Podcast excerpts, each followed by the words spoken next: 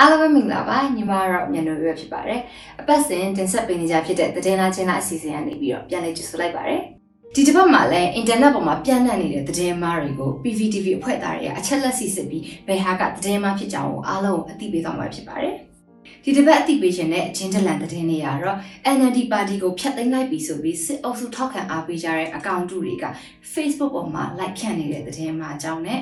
ပကံဖျားတွေကိုမိုင်းခွဲသွားရဲဆိုပြီး2019ခုနှစ်ကမီးလောင်ကျွမ်းခဲ့တဲ့ပုံတွေကိုအသုံးပြုပြီး like ဖြန့်နေတဲ့သတင်းအမှားအကြောင်းအရာတွေပဲဖြစ်ပါတယ်။အရင်ဆုံးပြပြပေးရှင်တဲ့သတင်းအမှားအကြောင်းအရာကတော့ NLD ပါတီကိုဖျက်သိမ်းလိုက်ပြီဆိုပြီးအကြမ်းဖက်စစ်ကောင်စီကိုအားပေးနေကြတဲ့အကောင့်တူတွေက like ဖြန့်နေတဲ့သတင်းအမှားတွေပဲဖြစ်ပါတယ်။အဲ့ဒီသတင်းမှာကိုစစ်ကောင်စီလက်ဝေခံ group တွေနဲ့ page တွေမှာရည်ရွယ်ချက်ရှိရှိနဲ့ like ဖြန့်နေတာပဲဖြစ်ပါတယ်။ အမျိုးသားဒီမိုကရေစီအဖွဲ့ချုပ်ပါတီ NLD ကိုနိုင်ငံရေးပါတီအဖြစ်မှတ်ပုတ်တင်ခွင့်ပြုခဲ့ခြင်းကိုပယ်ဖျက်ပြီးနိုင်ငံရေးပါတီအဖြစ်မှဖျက်သိမ်းခြင်းဆိုပြီးထုတ်ပြန်ချက်အတူတခုပြုလုပ်ပြီးဖြန့်နေကြတာပဲဖြစ်ပါတယ်။အချက်လက်စစ်ဆေးချက်များအရဒီထုတ်ပြန်ချက်ဟာအတုဖြစ်တယ်ဆိုတာကိုစစ်ဆေးတွေ့ရှိခဲ့ရပါတယ်။ အကြမ်းဖက်စစ်ကောင်စီကိုအားပေးသူတွေက NLD ပါတီကိုဖျက်သိမ်းစေချင်တဲ့အတွက်ကြောင့်မို့လို့ဒီလိုမျိုးထုတ်ပြန်ချက်တွေကိုမကြာခဏပြုလုပ်ပြီးတော့သတင်းမှဖြန့်နေကြတာအခုမှမဟုတ်ပါဘူး။ပြီးခဲ့တဲ့လတွေတုန်းကလည်း NLD ပါတီကိုဖျက်သိမ်းလိုက်ပြီဆိုတဲ့သတင်းမှားတွေကိုဖြန့်ဖြူးခဲ့ကြသလိုအာဏာသိမ်းတာကိုအားပေးထောက်ခံကြတဲ့2020ရွေးကောက်ပွဲမှာမဲတမဲမမနိုင်မဲနဲ့ရှုံးခဲ့တဲ့မဲရှုံးပါတီတွေက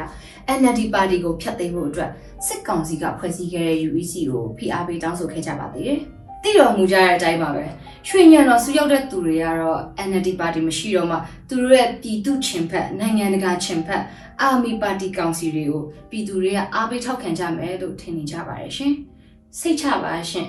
နှင်းစီပန်းမရှိတော့ရုံနဲ့ခွေးသေးပန်းတော့ဘယ်သူမှခါဝတ်တွေမပန်ကြပါဘူးရှင်ပြည်သူတွေကိုသူတို့လိုตาရစီးပြီးတီးရစားတတ်တဲ့အလိုတော်ကြီးအောက်ဆွဲစိတ်သက်ပိုင်ရှင်တွေလို့ထင်နေကြရှာတဲ့တနာစရာကောင်းတဲ့အုပ်စုပါပဲ။ ဒါကြောင့်မို့လို့အင်တာနက်ပေါ်မှာဖြန့်နေကြတဲ့ NLD ပါတီကိုဖျက်သိမ်းတယ်ဆိုတဲ့ထုတ်ပြန်ချက်ကသတင်းအတုသတင်းမှာချင်းသတင်းပဲဖြစ်ပါတယ်ရှင်။နောက်ထပ်အသိပေးရှင်တဲ့သတင်းမှာအကြောင်းကတော့ပကံဖျားတွေကိုမိုင်းခွဲသွားတယ်ဆိုပြီးတော့2019ခုနှစ်ကမီးလောင်ကျွမ်းတဲ့ပုံအဟောင်းတွေကိုအသုံးပြုပြီးဖြန့်နေကြတဲ့သတင်းမှာအကြောင်းအရာတွေပဲဖြစ်ပါတယ်။အဲ့ဒီသတင်းမှာ August လဒုတိယအပတ်ထဲမှာ Facebook ပေါ်မှာပြန့်နှံ့နေခဲ့တာဖြစ်ပါတယ်။သတင်းမှာမှာရေးသားထားတာကတော့ မနေ့ကနေ့လေပကံမှာဖြစ်သွားတဲ့ဖြစ်ရက်အယံဝမ်းနေမိတယ် ပကံဖျားများမိုင်းခွဲသွားတာဆိုပြီးရေးသားထားတာဖြစ်ပြီးတော့ပကံဖျားတဆူမီးလောင်ကျွမ်းနေတဲ့ပုံနဲ့အတူတင်ထားတာပဲဖြစ်ပါတယ်အဲ့ဒီသတင်းကိုအချက်လက်စစ်ဆေးကြည့်လိုက်တဲ့အခါမှာတော့ပကံဖျားတွေမှာမိုင်းပေါက်ကွဲတယ်ဆိုတဲ့သတင်းမျိုးကိုကျင့်ဝတ်ရှိတဲ့သတင်းမီဒီယာဌာနတွေမှာဖော်ပြထားတာမျိုးလုံးဝမရှိပါဘူးသတင်းမှမှာဖော်ပြထားတဲ့ပုံကို Google Reverse Image Search နဲ့ရှာကြည့်လိုက်တဲ့အခါမှာတော့ပုံဟာ2019ခုနှစ် February လတုန်းကပကံမင်းနဲ့သူရလေးမျက်နှာဖုန်ကြီးချောင်းမီးလောင်ကျွမ်းတဲ့ဖြစ်စဉ်ကပုံဖြစ်တယ်ဆိုတာကိုတွေ့ရှိရပါတယ် အဲ့လိုကဖော်ပြခဲ့တဲ့သတင်းတွေကိုလည်းတွေ့မြင်ရမှာပဲဖြစ်ပါတယ်။ဒါကြောင့်ပကံဖျားတွေကိုမိုင်းခွဲရဆိုတဲ့သတင်းကအရင်တော့ဖြစ်ခဲ့တဲ့ဖြစ်ရက်ကပုံကိုအသုံးပြုပြီးတော့ဖန်တီးထားတဲ့သတင်းအမှတစ်ခုပဲဖြစ်ကြောင်းသိပေးချင်ပါတယ်။อืมတကယ်တော့ဖျားရည်စီဒီမိုင်းခွဲရဆိုတာလည်းတခြားတော့မဟုတ်ဘူး။ပါဇက်ကဖျားဖျားအော်ပြ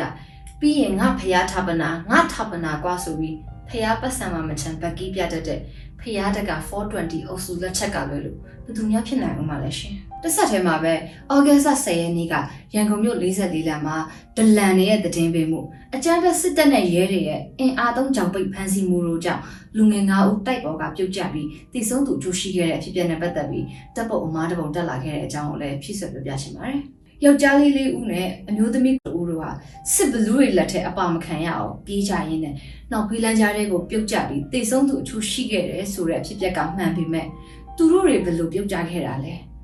ခုံချတာလားတွန်းချခံခဲ့ရတာလားပြစ်ခတ်ခံရပြီးမှပြုတ်ကျသွားတာလားဆိုတော့ကိုတော့ဘယ်သူမှသိချာမပြောနိုင်သေးပါဘူးနောက်ပြီးလူတချို့တင်နေကြတဲ့တိုက်ပေါ်ကခုံချနေတဲ့ပုံကတော့မှားယွင်းနေတာကိုတွေ့ရပါတယ် ဒီဓာတ်ပုံကိုအထက်မှာပြပြခဲ့တဲ့ Google Reverse Image Search နဲ့စစ်ဆေးကြည့်လိုက်တဲ့အခါမှာတော့ Poker Game လို့ခေါ်တဲ့အခက်အခဲတားဆီးတွေကိုခုတ်ပြကြော်လာရတဲ့ကစားနည်းကိုကစားရင်တိုက်ခေါမှုတစ်ခုကနေတစ်ခုပေါ်လမ်းခုံရာကနေအမျိုးသမီးငယ်တယောက်မတော်တဆပြုတ်ကျတည်ဆုံးခဲ့တဲ့အဖြစ်ပြက်အကြောင်းကိုရေးထားတဲ့သတင်းထဲကတပ်ပုံတစ်ပုံဖြစ်နေတာကိုတွေ့ရပါတယ်။ရုရှားနိုင်ငံစိတ်ပီတာစဘတ်မြို့မှာဖြစ်ခဲ့တာပါ။ဒါကြောင့်မို့လို့တချို့သောအချက်လက်မှားတွေကိုတေချာစစ်ဆေးမှုမပြုလုပ်ဘဲနဲ့ဖြန့်မိရင်ကိုကိုယ်တိုင်ရပါသတင်းမှားဖြန့်တဲ့သူတယောက်ဖြစ်သွားနိုင်တာကိုသတိထားကြဖို့တိုက်တွန်းချင်ပါတယ်။ဘယ်လိုပဲဖြစ်ဖြစ်ဒီလူငယ်တွေရဲ့အချိန်မတိုင်ခင်ကြွေလွင့်ခဲ့ရမှုအတွက်တာဝန်ရှိသူတွေအကုန်ပြန်ပေးဆက်ရမှာတော့အသေးချပါပဲ။ ဒီကိစ္စတွေနဲ့တစ်ဆက်တည်းအကြံပြုရှင်တာလေးကတော့အင်တာနက်ပေါ်ကတန်တရားဖြစ်ဆက်ကောင်းတဲ့သတင်းတွေမှာအသုံးပြုထားတဲ့ဓာတ်ပုံတွေကိုအင်တာနက်ပေါ်မှာပဲကိုကိုယ်တိုင်လွယ်လွယ်ကူကူရှာဖွေစစ်ဆေးလို့ရတယ်ဆိုတာလေးပါပဲ reverse image search tool တွေထဲမှာလွယ်လွယ်ကူကူအသုံးပြုနိုင်တဲ့ tool တစ်ခုကတော့ Google reverse image search ပဲဖြစ်ပါတယ် Google image ကကင်မရာပုံလေးကိုနှိပ်ပြီးကိုစစ်ဆေးချင်တဲ့ပုံကို upload လုပ်ပြီးစစ်ဆေးလို့ရပါတယ် mobile phone တွေအတွက်ဆိုရင်လည်း reverse image search multi engine ဆိုပြီးတော့ Google Play Store နဲ့ App Store တွေမှာ download လုပ်ပြီးတော့အသုံးပြုနိုင်ပါတယ် သတင်းမှန်တွေကိုမှားယွင်းနေတဲ့သတင်းအချက်လက်နဲ့ရောလိုက်ခြင်းဟာမှန်ကန်နေတဲ့သတင်းအချက်လက်ရဲ့မူလသတင်းတန်ဖိုးကိုရောစေတတ်တယ်ဆိုတာကိုလည်းသတိပြုစေချင်ပါတယ်။လူငယ်တွေကြဆုံနေဆိုတဲ့သတင်းကိုဖုံးချင်တဲ့အခါမှာတော့အာနာယုခွေးဘလူးကြီးတစ်ကောင်တေပြီဆိုတဲ့သတင်းအမှားကိုအချိန်ကိုက်ဖွာခဲ့ကြတာအားလုံးလည်းသတိပြုမိမယ်ထင်ပါတယ်။ဒါဟာစစ်အာဏာရှင်ရဲ့နီးဗျူဟာတွေထဲကတစ်ခုပါပဲ။အာဏာရှင်တွေကသူတို့အာဏာအတွက်ဆိုရင်ကိုယ်ဆရာကြီးကိုတော့မตาဆက်သွင်းပြီးကာဗာယူကြရတွေ့တော့ တာဝန်ကများလည်းရမိပါရဲ့ရှင်။ကဲဒီဒီဘက်အတွက်သတင်းလိုက်ခြင်းသားအစီအစဉ်ကိုတော့ဒီလောက်နဲ့ပဲရနာခွင့်ပြုပါ။ကြည့်ရှုနေကြတဲ့မိဘပြည်သူအားလုံးဘေးရန်ကင်းကွာပြီးကိုယ်စိတ်အေးချမ်းကြပါစေလို့ PPTV အဖွဲ့သားများအဆုတောင်းပေးလိုက်ပါရရှင်။